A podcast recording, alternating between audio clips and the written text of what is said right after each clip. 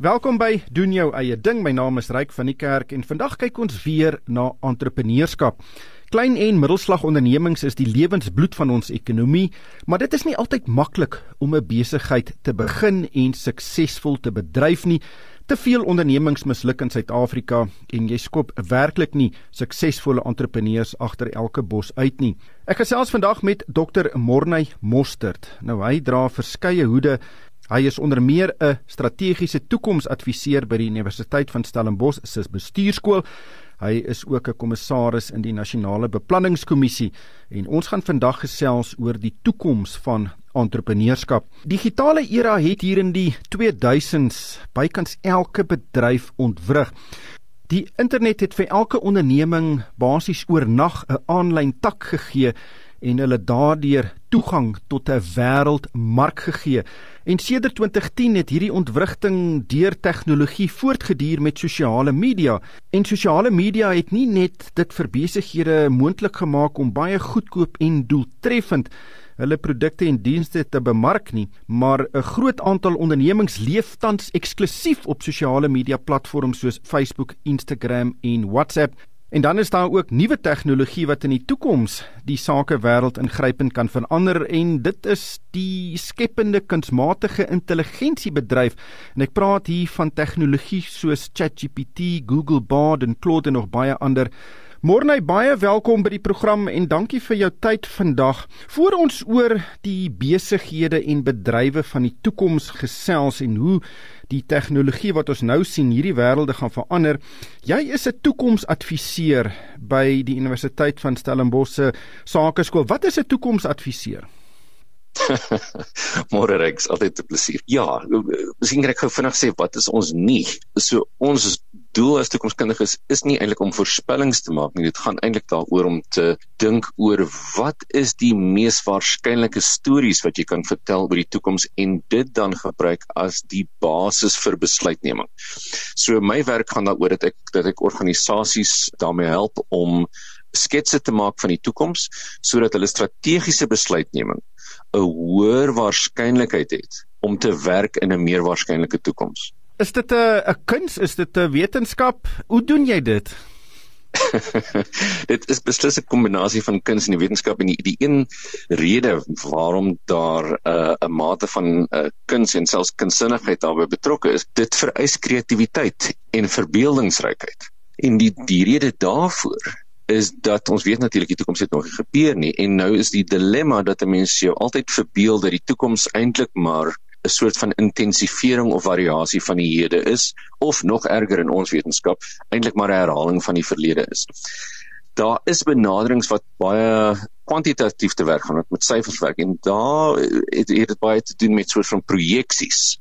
Ons benadering is om kwalitatief te werk en die verhale van die toekoms te vertel. Ons vind dat dit het 'n geweldige stimulerende impak op strategiese besluitneming en dit dit neem senior leiers weg van die soort van projeksie benadering verlede jaar plus 8% minus 6% op kostes na 'n soort van alternatiewe skepende benadering van die toekoms. En as jy gaan kyk na entrepreneurs, dan is dit wat hulle eintlik doen. Entrepreneurs kyk nie na die kompetisie en sê hoe kan ek 8% bylas nie.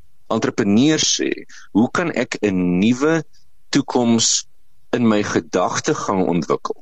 Ons noem dit 'n intellektuele eksperiment of 'n denkeksperiment. Hoe kan ek 'n denkeksperiment onderneem sodat ek my verbeelding kan gebruik om 'n toekoms te skets wat 'n alternatief bied vir wat die huidige kompetisie bied. Nou ja, jy weet reg, toe ons almal klein was, was ons vreeslik verbeeldingryk. En ons weet almal van die navorsing oor wat gebeur met kreatiwiteit, soos wat jy nou betrokke raak in skool en jy weet die die eerste paar jaar van jou lewe gaan daaroor dat jou jou ma vir jou leer om te loop en te praat en daarna moet jy net stil sit en in uh, nêrens heen gaan. So die dilemma is dat ons kreatiwiteit eintlik geweldig afneem. So jou vraag oor is dit 'n kunswetenskap is eintlik van kernbelang want ons ondersoek aktief die verbintenis tussen kuns kunsinnigheid, kreatiwiteit, verbeeldingrykheid en dan hierdie harde wetenskap van die sakewêreld.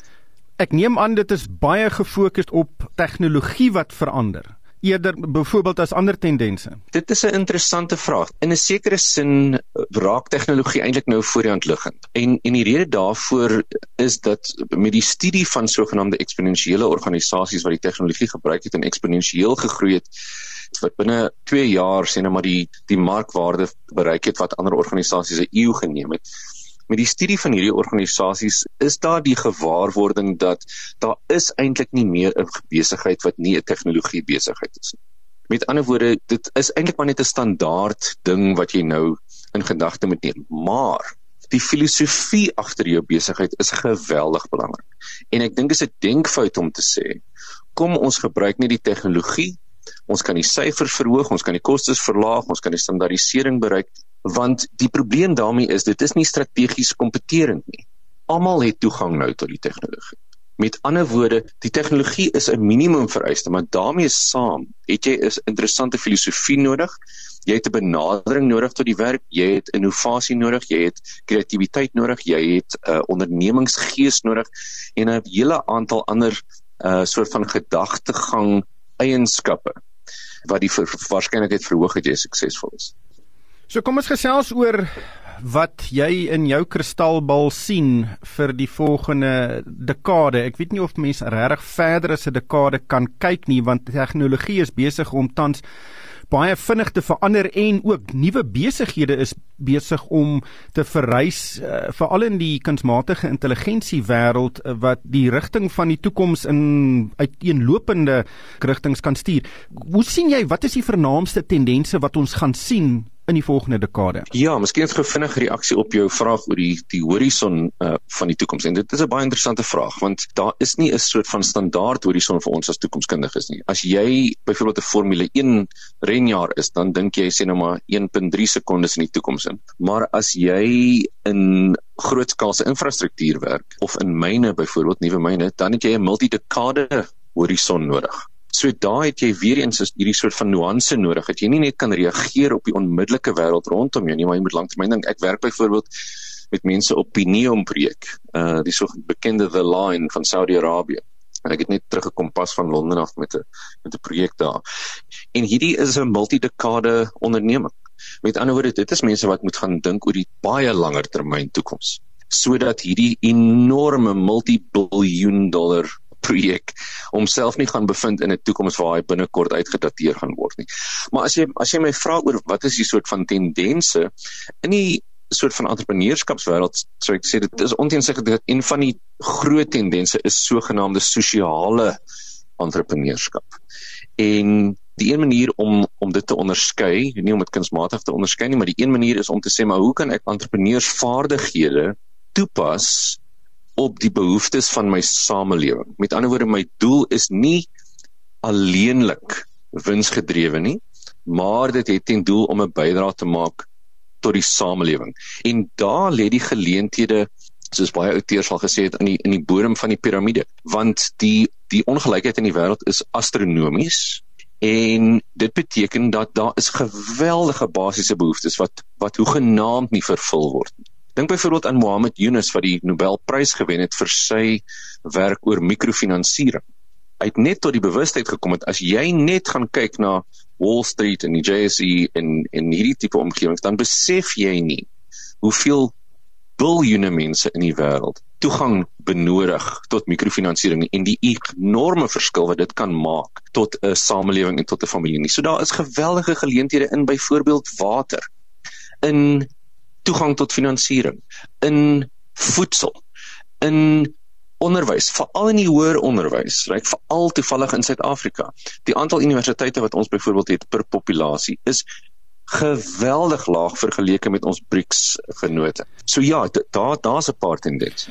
Ek gesels met Dr. Morney Mostert. Hy is 'n strategiese toekomsadviseur by die Universiteit van Stellenbosch se bestuurskool en ons gesels oor die toekoms van entrepreneurskap. Morney, jy, jy het nou gepraat van sosiale entrepreneurs, maar dit is volwaardige besighede wat op winsbejag uit is. Dit is nie filantropiese tipe van entrepreneurs nie. Dit is 'n geweldige interessante vraag want eintlik sien ons dat hierdie uh, klassieke klassifikasie is eintlik besig om te vervaag. In filantropie byvoorbeeld sien ons die verskynsel van strategiese filantropie, selfs uh, sogenaamde venture philanthropy. En wat dit beteken is dat die filantroop 'n 'n ander benadering neem tot risiko met betrekking tot hierdie filantropiese ondernemings, maar hy laat of sy laat nog steeds toe vir die geleentheid van wins. Nou daai wins word op 'n snaakse manier gebruik op 'n manier wat uh vir allerlei kostes betaal, maar op die einde in effek dieselfde resultaat het as wins. So ons sien 'n soort van bloei in mekaar in van hierdie grense. Dink byvoorbeeld aan sê net maar die privatisering van water in Australië. Mense mens mag dalk dink dit is totaal 'n uh, morele dilemma. En jy's reg om te impliseer die die die, die moraliteit wat hier ter sprake kom. Maar dit gaan daaroor dat jy dat jy oor water dink op 'n baie meer kreatiewe manier. Jy wil vir meer mense toegang gee daarvoor, maar vir jou onderneming en die risiko wat jy neem, het jy dan natuurlik ook 'n resultaat nodig. So daar is 'n baie interessante vervaging uh van hierdie grense tussen die klassieke filantropie, die die soort van skenkingswêreld um en die wêreld van winsbejag. Ek neem aan die omgewing is ook 'n fokuspunt. Baie besighede wat fokus en omgee vir die omgewing en dit as deel van hulle bemarking gebruik kan ook 'n mededingende voordeel kry. Ek het nou die dag byvoorbeeld vegan sonroom gesien. Nou ek het nie eens geweet mens kry nie nie vegan sonroom nie, maar dit is 'n 'n produk wat bemark word onder 'n aan 'n sekere teikenmark. Ja, en jy sê heeltemal reg, daar is ook so 'n genaamde greenwashing, jy weet dit is dis amper soos om te sê hierdie onderhoud bevat geen cholesterol nie. daar is die risiko daarvan dat dat mense hierdie mense hierdie soort van greenwashing in in social washing kry. Ek meen Coca-Cola byvoorbeeld verkoop nou happiness. So jy jy, jy het definitief die die enorme risiko van die misbruik van hierdie edele intensies om die planeet en die mense op die planeet te bedien. Maar jy's heeltemal reg. Toe ek byvoorbeeld in 2009 begin werk het met met 'n klomp mense in die Midde-Ooste in in Jordanië en Abu Dhabi en Kuwait en Saudi-Arabië en Dubai en so aan. En ek begin praat oor die belangrikheid van die planeet wat in die Club of Rome byvoorbeeld baie ernstig opneem. Het mense gesê, "Maar waarvan praat jy nou? Jy weet, ons is olie mense." En nou nou as ek met mense daaroor praat, ek was in Dubai weer so 'n paar weke gelede, dan sê die mense maar dis heeltemal voor die hand liggend. En die rede daarvoor, een van die redes vir die skuif, is dat die aankope in die in die waardeketting is besig om te verander. En organisasies begin hulle self bemark as uh, positief ten opsigte van die planeet en dit sluit in die vereistes vir die verskaffers wat hulle gebruik en wat hulle kies. En as gevolg van daai waardekettingsverandering sien jy hierdie gedragsverandering. Of dit besig is om te verander op 'n filosofiese basis is 'n is 'n ander vraag. So heeltemal reg. Ons sien 'n groter fokus op die mens en ons sien 'n groter fokus op die planeet en dit is heeltemal teen die verwagting. Want eintlik het ons in COVID geweldige gesprekke gehad oor die die soort van tegnologisering as mens daai woord kan gebruik van die van die samelewing. En wat baie interessant is, is dat dit dat ons eintlik nuwe vrae vra oor wat is 'n mens? Hoe leef 'n mens? Hoe lyk die planeet waarin 'n mens leef? En hoe kan jy tegnologie daarvoor gebruik eerder om as as tegnologie as 'n doelwit? Hier hierdie beginsels is dinge waaroor daar nie voor die hand liggende sakemodelle is nie. Dis 'n op baie opsigte is dit die benadering van die entrepreneur wat dit moet integreer by hulle besighede. Hoe goed is Suid-Afrikaanse entrepreneurs om dit te doen relatief miskien tot internasionale entrepreneurs? Ja, die omgewing uh, en ek, ek weet jy het vroeër verwys na die groen omgewing, maar die die soort van kontekstuele eh, transaksionele omgewing maak ook 'n verskil. My lees van die situasie is ongelukkig dat ons op, op 'n baie basiese vlak funksioneer wat entrepreneurskap betref behalwe vir ongelooflike briljante uitsonderings. Met ander woorde, dit is nie 'n deel van ons kultuur in Suid-Afrika so dit soos wat dit byvoorbeeld in die FSA is nie. In die FSA word omtrent 16% van die samelewing beskou as entrepreneurs en in baie state het meer as 50% van volwassenes al besighede begin.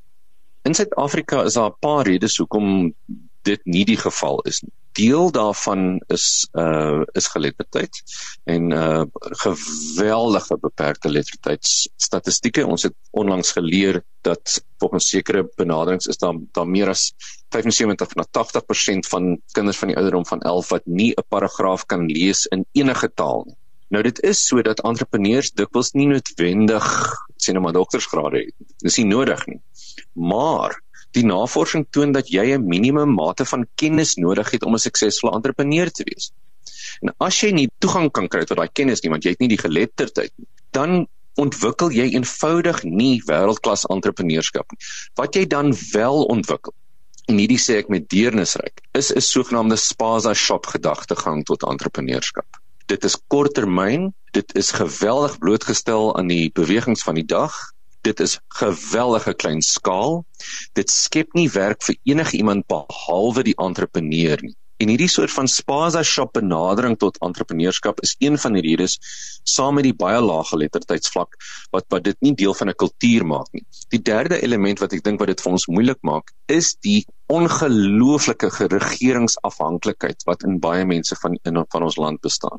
En dan die regering wat natuurlik baie mal is daaroor dat the government will save you dit is sodat baie jong mense besig is om weg te beweeg van daai geloof, maar dit is nog steeds baie baie sterk. Jy, jy weet as 'n mens net luister na die media dan hoor jy die hele tyd maar die regering moet dit doen en die regering moet dat doen. daarmee saam as ek gou die laaste twee redes kan noem op jou vraag, sou ek sê die volgende rede is dat die regering se eie filosofie, jy kan hoor ek stel baie belang in die soort van gedagtegang. Ek het 'n indeks ontwikkel saam met kollegas in die Mindset Index wat hierdie dinge meet. Die regering se filosofie is in 'n sekere sin uitgedateer vir die 21ste eeu se entrepreneur. Een voorbeeld daarvan is as jy dit kan glo in die 21ste eeu is ons uh, regerende party in 'n formele alliansie, 'n formele alliansie met die kommunistiese party. En dan die laaste ding is die verhouding tussen die regering en die sake sektor en tussen die sake sektor en die arbeidssektor.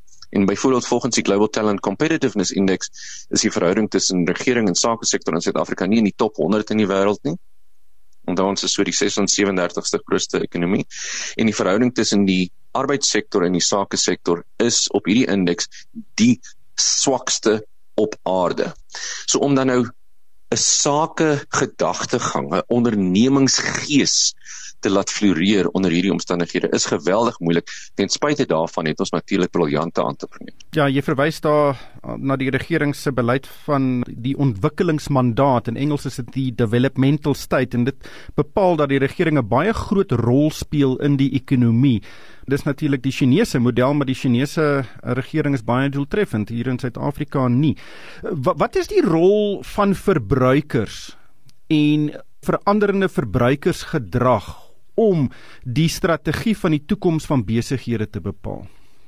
Dit is 'n geweldige interessante en enorme tendens wat ons waarneem. En dit is dat die verbruiker se kennis met betrekking tot die verskaffer is astronomies hoër as wat dit 50 jaar gelede was. Met ander woorde, verbruikers weet geweldig baie oor die tipe dienste wat organisasies bied. Baie dikwels neem ons dit waarryk dat dat die verbruiker meer weet as baie mense wat binne in die besigheid werk. En die rede daarvoor is soort van verlammende silusitis dat organisasies veral groot organisasies so verbrokkel is met 'n analitiese wat 'n mens kan noem reduksionisme.